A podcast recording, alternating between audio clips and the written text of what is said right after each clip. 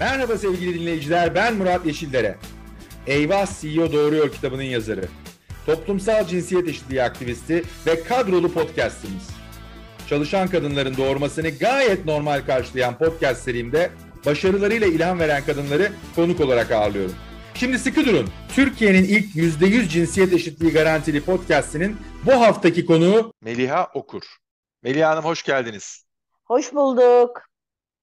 Ee, Beyazıt Öztürk eskiden programını yaparken o meşhur Beyaz Show'da e, o bir o bir o bir diyordu. E, o bir gazeteci Meliha Okur. E, ama o gazeteci olmanın arkasında hala e, acar bir muhabir var. Yani o muhabirlikle her yeri takip ediyor ve ayağının tozuyla da e, maalesef felaket bölgesinden, deprem bölgesinden e, geldi. Birkaç hafta önce Dünya Kadınlar Günü'nü orada e, geçirdi. Kadınları e, bu Emekçi Kadınlar Günü'nde kutladı. Onlara gül e, hediye etti. Ama oradaki trajediyi de, oradaki travmayı da bizzat yaşadı. Orada ile başlamak istiyorum Melih Hanım sizin için de uygunsa. Nasıl bir travma yaşanıyor orada ve özellikle bunun kadınlar üzerindeki etkisini nasıl yorumlarsınız? Ee, gerçekten ortada büyük bir trajedi var.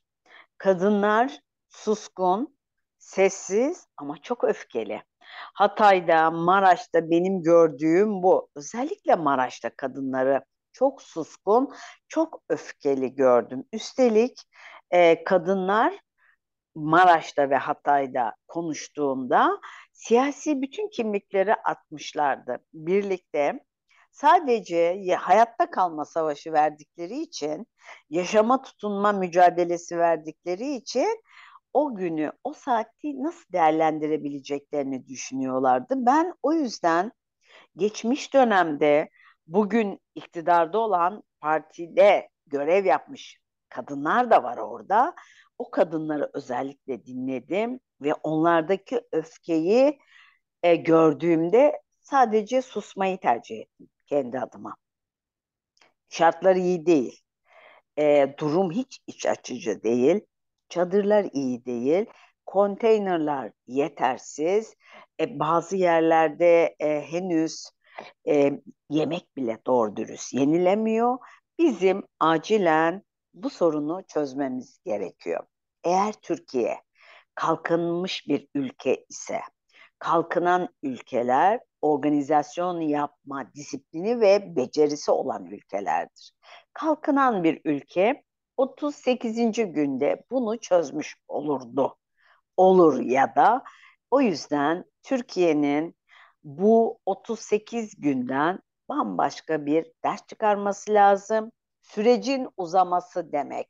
Tam da seçime giderken sessiz duran ama öfkeli olan kadınların önümüzdeki dönemde çocukları ve gençleriyle birlikte bambaşka bir açılım getireceği. Onun için söze böyle başladım. Ee, çok çok e, çok değerli paylaşımlarınız. Seçim kısmına özellikle gelip orada da sizin e, öngörülerinizi, tespitlerinizi konuşmak detaylıca arzu ediyorum ama e, bu deprem bölgesiyle biraz devam edelim. E, yayına hazırlanırken, demin sohbet ederken siz onlara bu Kadınlar Günü için birer gül e, sunduğunuzda e, birçoğunun yanaklarından gözyaşlarının e, aktığını, döküldüğünü bahsetmiştiniz. E, belki onun etrafında da bir konuşmak lazım. Yani e, bir akut ihtiyaçlar var sizin güzel tanımladığınız gibi bir türlü tamamlanamayan. Bu akut ihtiyaçların içinde kadınların tarafında başta hijyen olmak üzere eksiklikler daha da e, zor ve e, bir türlü onlar e, yerini bulamıyor. Hatta e, belki siz de karşılaşmış eminim duymuşsunuzdur. E, bu artçılar sırasında kadınların e, tuvalet ihtiyacı nedeniyle hala o yıkılmakta olan binalara girdiği yer yer haberlerini duyuyorum ben. E, o anlamlı e, şeyi sağlayamadığımız için bir türlü e, yaşama platformunu biz onlara sağlayamadığımız için. Çok doğru söylüyorsunuz. Ee, bizim yani benim gözlemim hijyen şartları gerçekten kadınlar için çok zor. Kadınlar, yaşlılar, kimsesi kalmamış, engelliler ve çocuklar için hayat gerçekten çok zor. O yüzden kadınlar ve yaşlılar ve engelliler sorununa farklı bakması, farklı çözüm getirmesi gerekiyor Türkiye'nin. Birinci konu bu. İkinci konu kadınlar kadınlar gününde e, niçin geliyorlardı çadırlarından? ya da ben gittiğimde, gül verdiğimde gözlerinden akan yaşlar ırmak gibiydi. Belki de hayatlarında ilk kez çiçek alıyordu birçoğu. Kişisel gözlemim o yönde benim.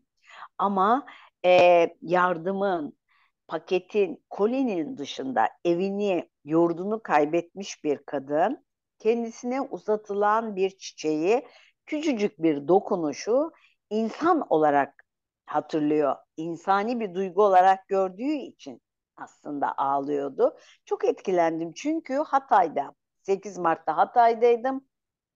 Defne ve o güzelim Kurtuluş Caddesi bitmiş durumda. Yani Hatay diye bir şehrimiz yok artık. E, gül bulmaya çalıştık. Sağ olsun İbrahim Bey vardı. Ondan rica ettim. O bölgede çalışıyor ve bölgeyi biliyor. Biz yana yakıla 70 tane gülü bulmayı e, başardık kadınlara verdik, yaşlı, genç. Hepsi ağladı. Onlar ağlarken biz ağlamamak durumundaydık. Çünkü enerjiye ihtiyaçları var kadınların. Kahramanmaraş'ta bir kadın kooperatifinde e, o, e, çok etkilendim ben. Çünkü orada kadınlar gelmişti. Bizim geleceğimizi duymuşlardı, bekliyorlardı.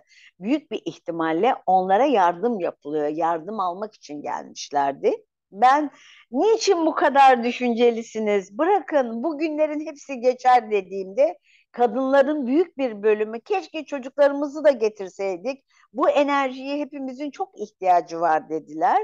İçeri girdiğimde iki kadına takıldım. Biri bir yaşlı e, beyefendiye bakıyormuş, işini kaybetmiş, evi yıkılmış, e, 8. sınıfa giden çocuğuyla kalmış ve sadece gözlerinden akan yaşla kimsenin hiçbir şey isteyemiyor idi. Bu kadına yardım eder misiniz dedim. Çok onurluydu, ağlıyordu. Kadınlar yardımları ağlarken büyük bir bölümünün utandığını, büyük bir bölümünün lütfen bir tane verin, gerisini arkadaşıma verin dediğini biliyorum. Bunlar çok etkileyici tabii. Bir de e, temizliğe, evlere temizliğe giden ev işçisi dediğimiz bir kadın vardı, yaşlı bakım ev işçisi. O da tek derdi vardı çocuğunu okutmak. Nasıl okutabilirim derdine düşmüştü. Çadır bulamıyor idi. Çünkü niçin çadır kentlere gitmiyorsun diye sorduğumuzda gidemem dedi. Benim için uygun değil dedi. Her gün kavga var dedi. Ben ahlama çok önem veririm dediğince durduk biz orada. Şunu anlatmak istiyorum. Kadınlar için çok özel bir şey istemiyoruz biz. Kadınlar için daha hijyen, birbirleriyle olabilecekleri ve kendilerini güvenli hissedebilecekleri çadır istiyor kadınlar. Ben de bunu destekliyorum. Bunun başka yolu yok bu kadınların sesini birilerinin duyması gerekiyor. Elbette 13,5 milyon insanın evinin yıkıldığı, nefes alamadığı bir bölgede sorunları çözmek kolay değil ama iki saat ötede Antep'e gittim. Antep'in bazı ilçeleri çok feci durumda. Hafta başı yine gideceğim o ilçelere. Ama baktım Antep'te hayat normal. İnsanlar yemeklere gidiyor. Alışveriş merkezlerinde şaşırdım. Keşke dedim burada yedikleri yemek yerine bunu Maraş'a, o çadır kentlerde yiyecek kuyruğunda bekleyenlere götürseler dedim. Belki de yanlış düşünüyorum bilemiyorum ama tablo iyi değil yani. Tablo iyi değil. Bizim çok ders çalışmamız gerekiyor. Kesinlikle, kesinlikle. Bir de e, sizin e, sosyal medyada orada olduğunuz günlerdeki paylaşımlarınızdan bir tanesinde e, hayaller kısmına da altını çizmişsiniz. O da bence çok önemli. Yani biz şu anda akut ihtiyacı konuşuyoruz ama oradaki özellikle kadınlar ve çocukların demin verdiğiniz örnekte de olduğu gibi hani kadınların sadece kendi hayatları değil bir de çocuklarıyla ilgili planlarını, hayallerini bir anda tekteye uğratan bir felaketle karşı karşıyayız. Ee, umut ediyorum ki 38. 40. 50. günde bu akut ihtiyaçlar belli bir noktada e, sonuçlanır, e, tatmin olur ama ondan sonra bir de başka bir şey bizim çözmemiz lazım. Tekrar bu hayalleri nasıl canlandırabiliriz zihinlerde, İşin kalplerde? en önemli noktası bu. Hayal olmazsa gelecek olmaz.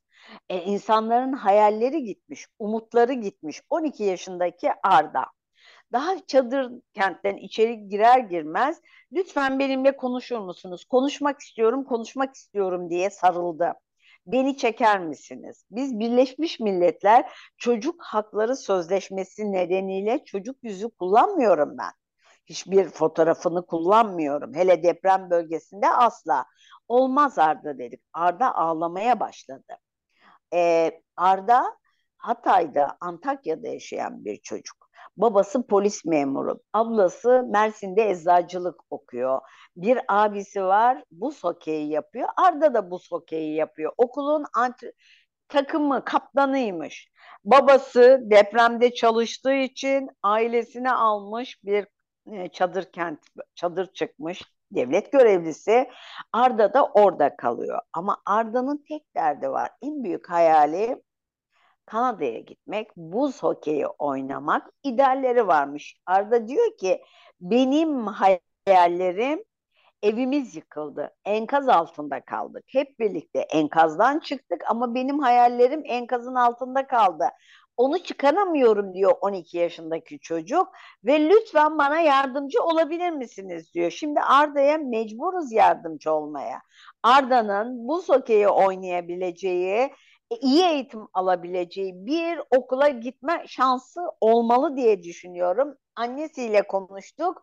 Tabii Arda'nın kaldığı kampla ilgili de sıkıntısı var. Kamp sert. Öğretmenler haklı olabilir ama o kadar genç ki psikolog olarak gelenler Arda'yı biz mutlu etmek için Arda'nın gözleri dolu ağlıyor. Annesi durdurmaya çalışırken rica etti. Biz Arda ile çekim yapıyoruz. Tabii ki o görüntüleri yayınlamayacağız ama bir öğretmen gençmiş daha. Okulu yeni bitirmiş. Sürekli aynı şeyi tekrarlıyor. O tekrarladıkça Arda kendini kaybediyor. Sonunda yeter dur orada demek zorunda kaldık. Ve dedik ki yahu kullanmayacağız. Neden çocuğun üzerine böyle gidiyorsunuz? Çocuk diliyle siz böyle konuşursanız bu iş olur mu? Bunu Aile Bakanlığı'na bildirmek zorundayım dedim ben. E, orada özür dilediler. Ama bütün çocuklara yaklaşım böyle olursa biz Arda gibi e, hayalleri kaybolmuş, umutları gitmiş çocukları yeniden nasıl kazanacağız? Büyük bir sorun var ortada.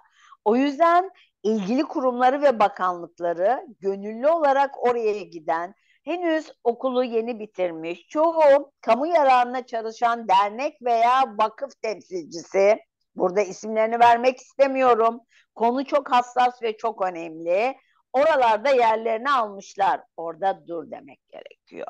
Buraya deneyimi olan, bilgisi olan, çocuk psikolojisini bilen eğitmenlerin, öğretmenlerin gelmesi gerektiği kanaatindeyim. Buraya kimse dikkat çekmiyor. Ama bu önümüzdeki dönem en çok konuşacağımız konulardan biri olacak. Çok önemli bu söylediğiniz. Belki e, bir küçük katkıda ben şöyle yapmaya çalışayım. Hani e, bu konuda tecrübeli uzmanların ifade ettikleri böyle ağır travmanın olduğu yerlerde o bölgeye giden uzmanların da orada uzun süreli kalıcı olarak değil azami 10 günlük sürelerle sürekli değişmesi ve yeni uzmanların e, oraya gelmesi ve o gidenlerin belki tekrar kendilerini yenilemeleri, tazelemeleri, nefes almaları gerekiyorsa belki birkaç hafta, birkaç ay sonra tekrar şey yapmaları. Yani oradaki o travmanın içinde yaşayan uzmanların da bu anlamda kendilerini yenilemeye, nefes almaya ihtiyaçları var. Bence şu anda onun da bir zorluğunu yaşıyoruz. Bence de ama bunun planlanması lazım. Milli Doğru. Eğitim Bakanlığı'nın, Sizin benim düşünmememiz Aile lazım. Bakanlığı'nın bunu planlayıp deneyimli gönüllüleri oraya çoktan götürmesi lazımdı. Okulu yeni bitirmiş. Yani A Üniversitesi, ticaret bilmem ne e, yani işletme okumuş ya da öyle adam uzman yetiştirecek, meslek sahibi yapacak okullarda okumuş.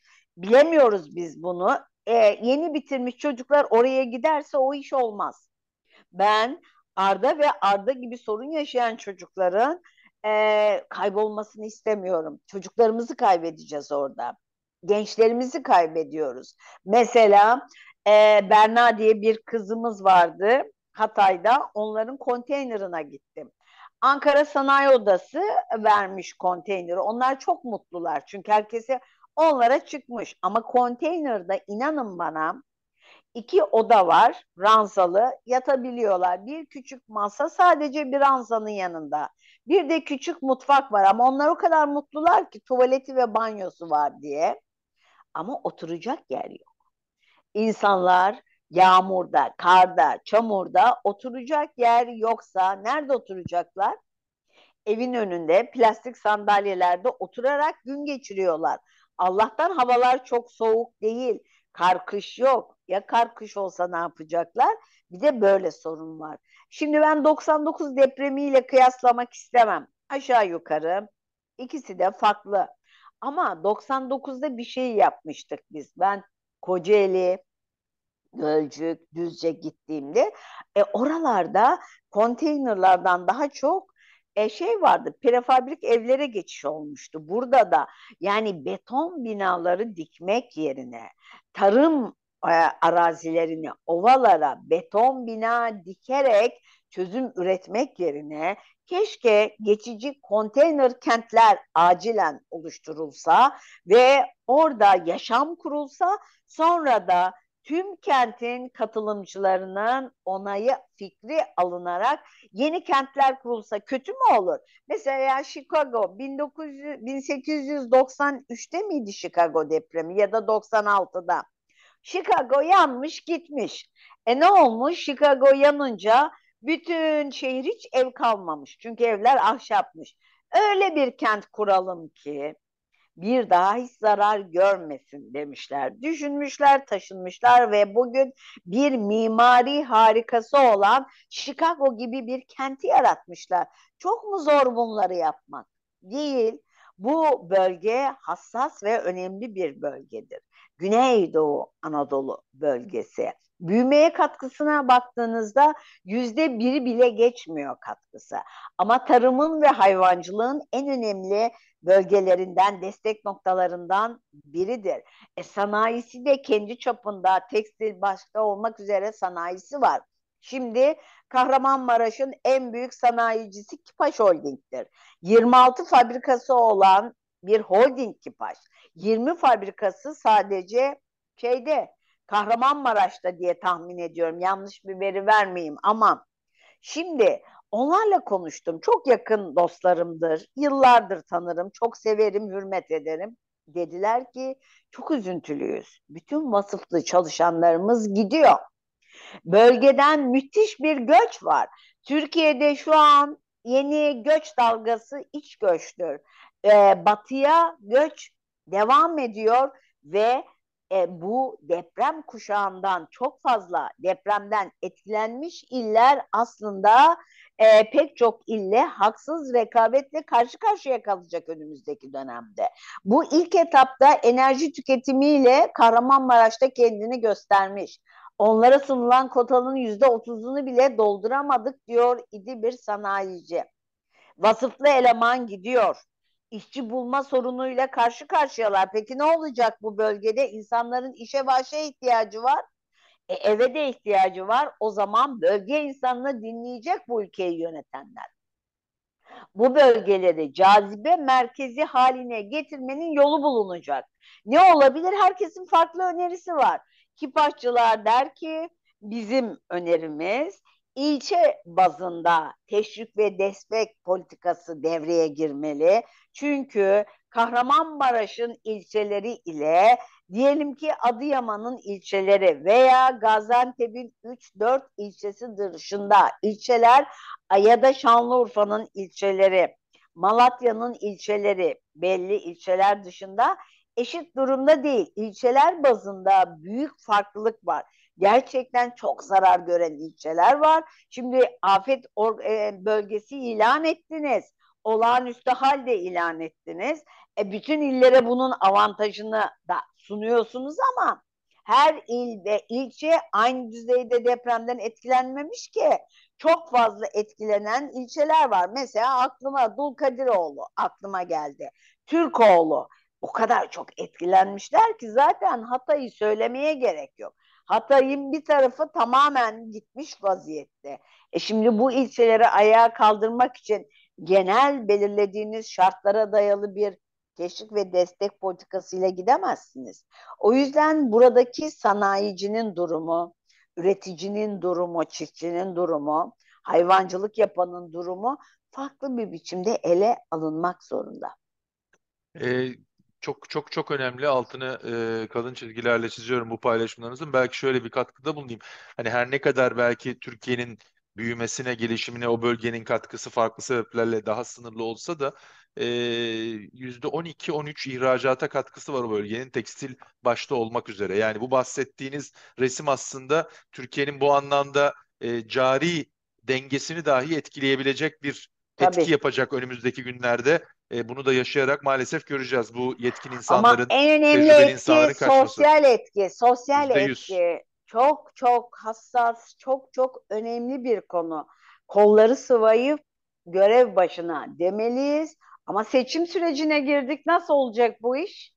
Evet aslında orada güzel bir geçiş oldu. Birazcık da e, seçim e, yaklaşıyor. E, iki aydan kısa bir süre kaldı. E, ve e, gene sizin e, paylaşımlarınızdan gördüğüm siz diyorsunuz ki aslında kadınlar için toplumsal cinsiyet eşitliği için e, bir var olma seçimi bu. E, birazcık onu açar mısınız? Tabii ki e, biz seçim ve geçim arasına sıkışıp kalmış bir ülkeyiz şu an ve biz yoksullaşıyoruz. E, bu yoksullaşma ürkütüyor beni. Eğer 13 kişinin e, parası ya da serveti 44 milyonun e, gelirine eşitse bunu ben söylemiyorum. Türkiye İşçi Partisi Genel Başkanı Erkan Baş söylüyor. Ama verilerden bunu görüyoruz. Bizim bu şapkayı önümüze koyup bu ülkenin geleceği ve toplumsal refah kültürü için nasıl bir yolculuk başlatmamız gerekir konusunda yeniden harekete geçmemiz lazım. Şimdi biz seçime gidiyoruz. Bu seçimde 84.3 milyon diyorum ülkenin nüfusu. Yarısı kadın, yarısı erkek. Erkekler ve kadınlar elmanın e, ortadan ikiye ayrılması gibi aşağı yukarı dengelenmişse erkeklerin istihdamda olduğu, kadınların iş ve aş meselesinde hiç olmadığı bir ülke burası. Gerçekten kadın istihdamının her geçen gün giderek azalması bir kırmızı alarm. Ama onun ötesinde işe toplumsal cinsiyet açısından bakıyorum ben. Çünkü cinsiyet ve toplumsal cinsiyet birbirinden farklı. Çünkü ben kadın olarak doğmuşum. Bu benim cinsel kimliğimi belirler. Ama doğduktan sonra toplum içindeki durumum benim toplumsal cinsiyetimi ve toplum içindeki yaşam biçimimi belirler. Türkiye aslında yasalar, kurallar, kanunlar, uluslararası sözleşmelere hep güzel imzalar atan bir ülke. Ama uygulamaya geldiğinde aşırı muhafazakarlaşmanın, aşırı tutuculuğun hiçbir kalesini kıramıyor. Hiçbir değişim yapamıyor.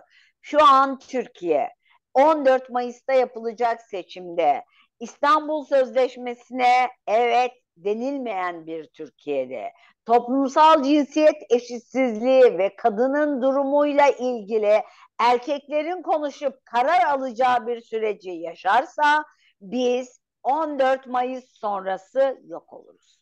O yüzden kadınlar için 14 Mayıs en kritik seçimdir. Ya var olacağız ya yok olacağız. Kadına, kadın haklarına, kadının ekonomik özgürlüğüne, kadının toplumsal cinsiyet eşitliğine saygı göstermeyen hiçbir siyasi parti, hiçbir e, şey e, milletvekili açıkçası bundan sonraki süreçte kadınları temsil edemez, sözcüsü olamaz. İşte burnumuzun dibinde bir İran var. Bilmiyorum sinema sever misiniz ama Kutsal e, A diye bir film izledim ben aşağı yukarı iki ay önce. İran sinemasından bağımsız sinemayı çok severim ben. E, İran'da gösterimi yasak olan bir film ama İran sineması kadın hareketinin İran'da aşama aşama nereye gittiğini gösteriyor idi. Herkesin izlemesini tavsiye ederim. Türkiye'deki kadın hareketini küçümseyen erkek egemen siyaset dili, erkek egemen Türkiye Büyük Millet Meclisi, erkek egemen külliye diyeceğim, saray diyeceğim hiç fark etmiyor.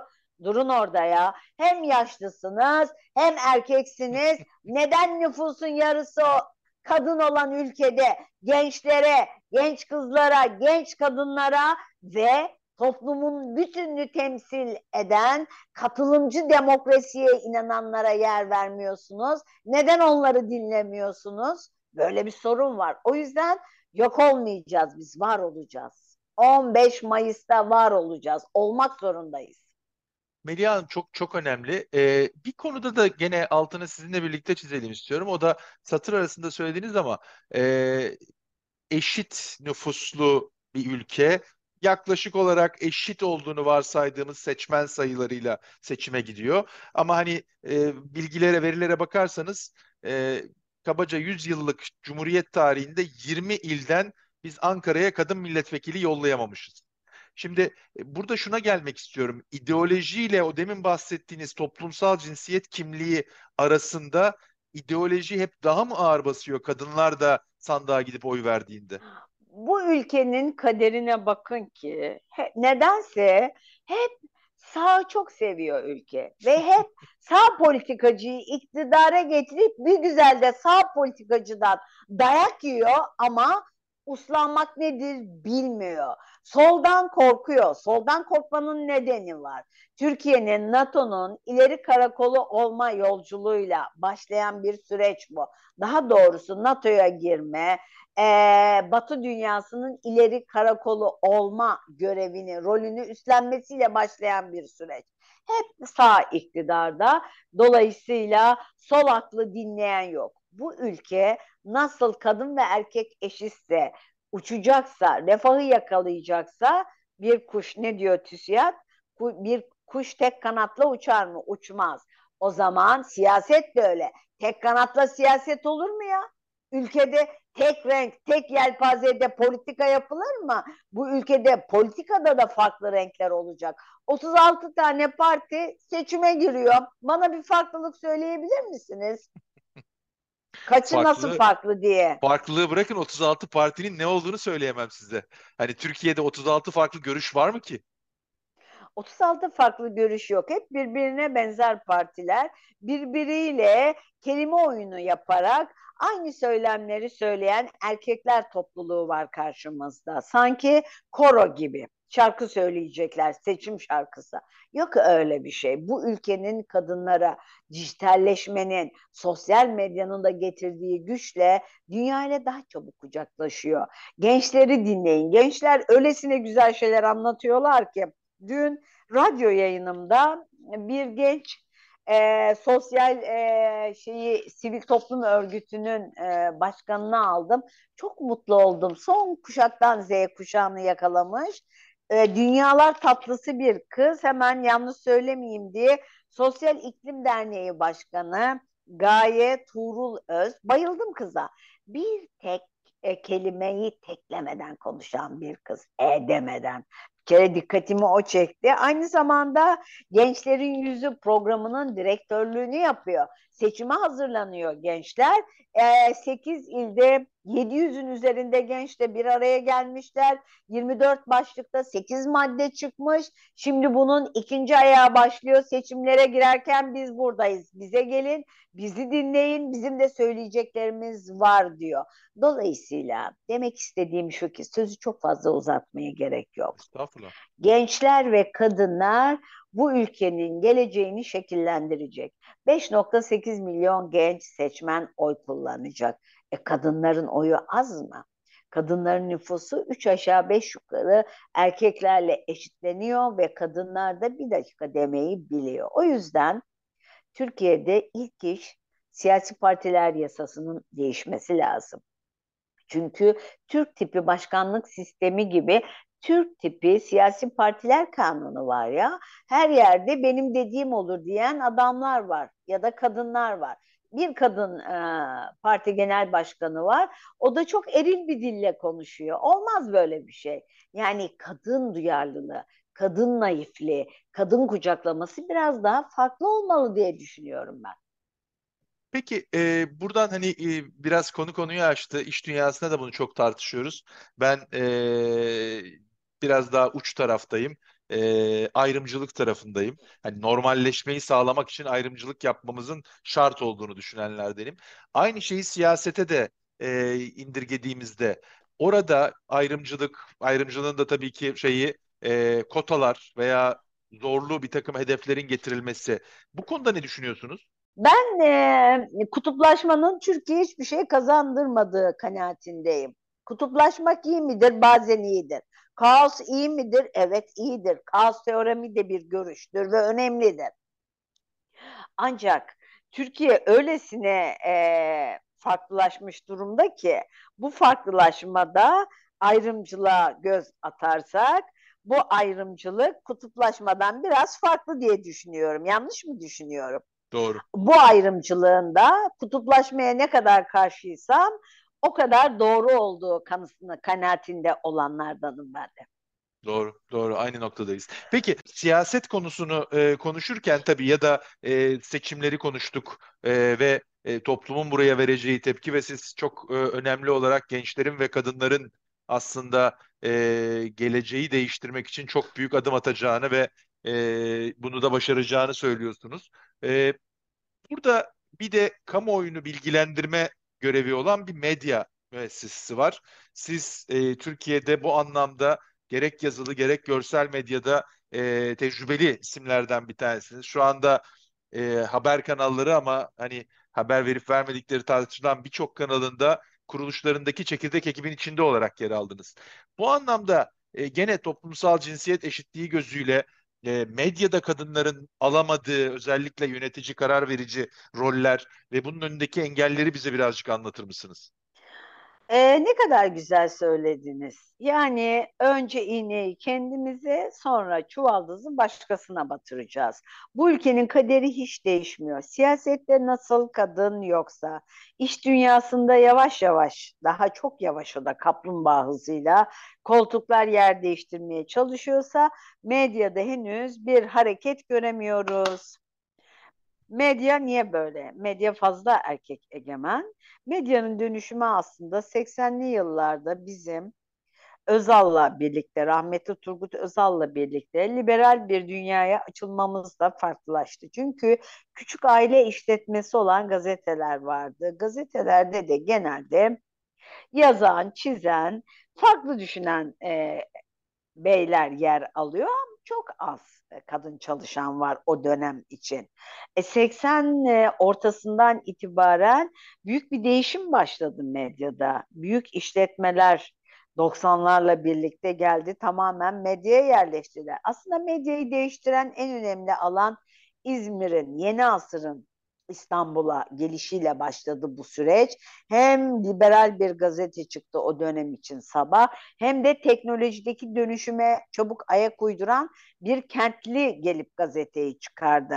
Ama bütün bunlara rağmen yani teknolojiye yatırım var.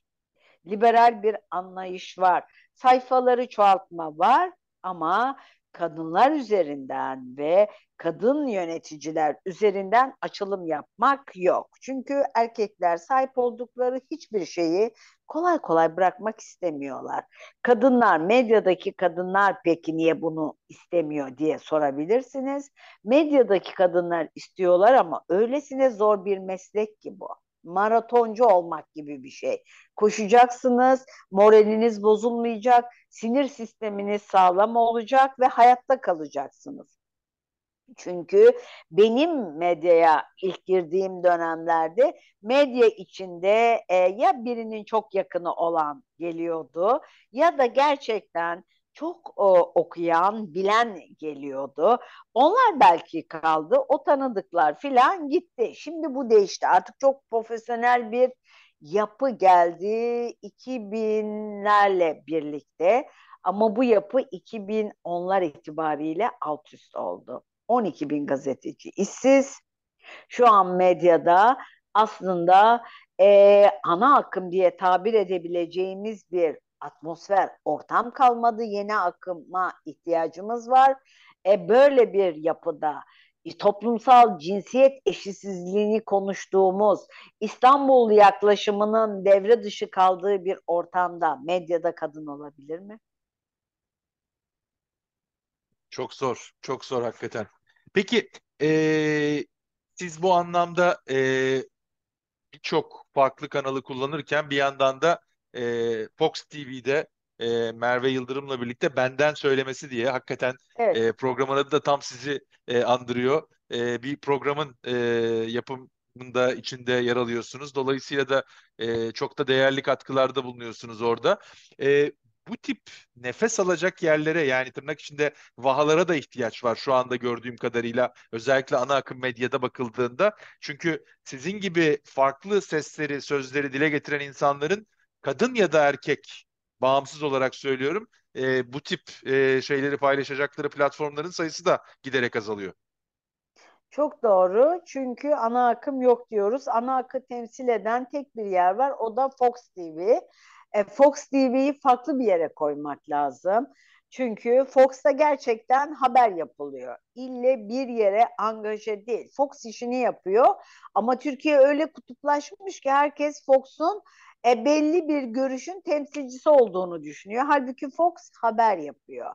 Diyelim ki bugün iktidar değişsin. Fox gene haber yapacaktır ve bugün e, temsilcisi gibi görülen, anlatılan e, kişilerin karşısında en sert haberleri yine Fox yapacaktır. Bunu biliyorum ben. Fox'un yapısı öyle ama onun dışında medya yeniden şekillenmeli. Bugün medyada çalışanların dörtte üçünden fazlası bir değişim gelirse Türkiye'ye olmayacaklar. Hiçbir şekilde yer alamayacaklar. Çünkü herkesin kafasında bir çift var. Sansür çipi. Herkes kendi kendine sansür uyguluyor. Bu çok tehlikeli. E, muhabir de yetişmiyor. Bir muhabir 10 yılda yetişiyor. Şu an medyaya gelenlerin çoğu hayatlarında hiç muhabirlik yapmamış e, insanlar. E, gazeteci e, aktarıcıdır. Gazeteci bilim insanı değildir. Gazeteci sosyolog değildir. Siyasetçi değildir. Sadece bütün izlediği çevreleri ya da haberleri en iyi aktaran kişidir. Ama zaman içinde konuyu o kadar çok yakından takip eder ki bir e, savunma sanayici kadar savunma sanayi ile ilgili sorular sorabilir, anlatabilir. Bir sosyolog kadar o kadar çok nüfus, göç haberleri yapar ki Türkiye'nin toplumsal değişim dinamiklerini aktarabilir. Bir gazeteci eğer düzenli ekonomiyi izliyorsa bir ekonomist kadar anlatım yapabilir. Ee, yani gazetecilik iyi soru sorma sanatıdır. İşini doğru yapan gazeteci iyi soru sorar bir, basit ve yalın bir dille konuşur iki. Yani hemen her kesime derdini anlatmak zorundadır. Üçüncüsü de artık erkekler manşet atmamalı konvansiyonel medyada. O haberlere kadın duyarlılığıyla imza atılması gerekiyor. Bu konuda da medyanın yeni şekillenmede ders alması ve buna göre yol çizmesi gerektiği kanısındayım. Ama biz gazeteci kadınlarında tabii ki eksiklikleri var. Belki de çok fazla talep etmedik. Hatamız bu olabilir. Aslında e, yavaş yavaş da podcastimizin sonuna doğru gelirken son soracağım soru da birazcık bununla bağlantılı. E, konuştuğumuz konu yani bu toplumsal cinsiyet eşitsizliği konusu e, ben bunu her platformda dile getiriyorum. Bence bir erkek meselesi. Konu bir kadın konusu değil. Bir kere onu hani baştan e, ortaya koyalım. Bunu söylemekle birlikte e, kadınların iş hayatında, siyasette, medyada e, sizin biraz evvel başladığınız cümleden devam ederek farklı yapabilecekleri ve bu değişimi tetiklemek için kendilerinde veya etraflarında değiştirebilecekleri bir şeyler olduğunu görüyor musunuz? Görüyorum tabii. O kadar çok şey görüyorum ki hiç kimse kadını artık tutamaz. Bu yasak diyemez. Ama bir nokta var. Kadının saçı, başı, giyimi, kuşamı üzerinden siyaset yapılmamalı. O yüzden ben öncelikle toplumsal cinsiyet eşitsizliği konusunun aynen sizin söylediğiniz gibi bir erkek meselesi olduğunu düşünüyorum. Ben kadın cinayeti demek istemiyorum. Erkeklerin işlediği cinayet demek istiyorum. Kesinlikle. Bu bir erkek meselesidir. Erkek egemen toplum sanayi toplumudur. 500 yıllık sanayi toplumundan farklı bir e, üretim modeline geçişte aslında kadının organizasyon yapma gücüne, kadının bilgeliğine ve kadının inceliğine ihtiyaç duyulmaktadır. O yüzden bu yüzyıla kadın yüzyılı deniliyor. Buna e, dikkat eden, buna göre toplumu, ülkeyi yeniden planlayan kazançlı çıkar. Sanayi toplumu yani erkek egemen toplumda hiçbir şeyi bırakmak istemiyor ya. Böyle bir sorun var. Hiçbir şeyi bırakmak istemiyor. Bana göre şimdi dijital baronlarla ben öyle diyorum. 20. yüzyılın aslında sosyal e, devlete, kadın haklarına, işçi, işveren haklarına ikna eden, geçen yüzyılın zenginleri arasında süren bir savaşta biz de çıkış yolu arıyoruz ya. Ben en çok E, ona üzülüyorum. Çok çok önemli bir şey söylüyorsunuz. Hani e, son soru dedim ama bunu birazcık açmanızı şöyle rica edeceğim. Bir taraftan da e, bu bahsettiğimiz toplumsal cinsiyet eşitliği ve kadının güçlenmesi ekonomide, siyasette, hayatın her alanında e, erkeklerin de bir anlamda liberalleşmesini ve o üzerindeki ağır yükün de azalmasını, dağılmasını sağlamayacak mı? Ben mi e, çok ütopik veya çok iyimser düşünüyorum? Yo, siz doğru düşünüyorsunuz. Olması gerekeni anlatıyorsunuz ama toplum buna hazır değil. Çünkü bizim gibi toplumlarda herkesin odaklandığı tek yer var. Güç merkezi. Güç. Yani erkek egemen toplum gücün elden gideceğini düşündüğü için direnç gösteriyor. Ha, biz de ezilip gidiyoruz kadınlar olarak. İstedikleri kadar dirensinler. E, bu direnç onları bir yere taşımayacak. Hani biz olmayacağız, bambaşka kuşaklar olacak ama ana erkil düzen dünyaya barış ve huzur getirecek. Çünkü iklim krizi işte olanca ağırlığıyla tepemizde. İklim krizi ama dünyanın kaynak sorunu yok. Anaerkil düzende ben eminim ki kaynaklar bile çok daha adil paylaşılacak ve dünya nefes alacak. Ben buna inananlardanım. Onun için hiç hayal kurmuyorsunuz. Biz görmüyor olabiliriz ama görecek çok kuşak var daha. Melih Hanım harikasınız. Ee, istedikleri kadar dirensinler dediğiniz cümle de hakikaten o başlayan cümle bence en önemli kısımlarından bir tanesi oldu bugünkü e, kaydımız. Ama ben özellikle başta e, bahsettiğiniz konuya yani deprem ve şu anda güncelde yaşadıklarımıza geri döneceğim. Çünkü o hayallerini kaybeden kadınların, ardaların, çocukların e, hayallerini geri kazanmaları e, ülke olarak bizim geleceğimizi geri kazanmamız anlamına geliyor. Orada da hemen yapmamız gereken şeyler var. Gönlünüze sağlık, ağzınıza sağlık. Size teşekkür ediyorum. Sizi erkekler sakın kızmasın. Sakın size böyle mobbing uygulamaya kalkmasınlar. Fazla kadın dostusunuz diye. Valla ben e, kadın ya da erkek dostu değil, sizin durduğunuz yerde durmaya çalışıyorum. Hani olması gereken neyse hepimizin onu savunuyor olması lazım. Hayat güç değil, e, çok çok doğru ifade ettiniz. Ama ben şimdi seçim listelerine bakacağım. Kaç genç, kaç kadın var? Kim ne kadar samimi? Güçle gücü bırakmak istemeyen erkek egemen anlayış siyasetteki katılığı kırarsa Türkiye kazanır. Çok doğru. Gönlünüze sağlık. Teşekkür ediyorum. Sağ olun. Eyvah CEO Doğruyor'da bu hafta konuğumuz Meliha Okur oldu. Önümüzdeki hafta farklı bir kadın liderle tekrar karşınızda olmak dileğiyle.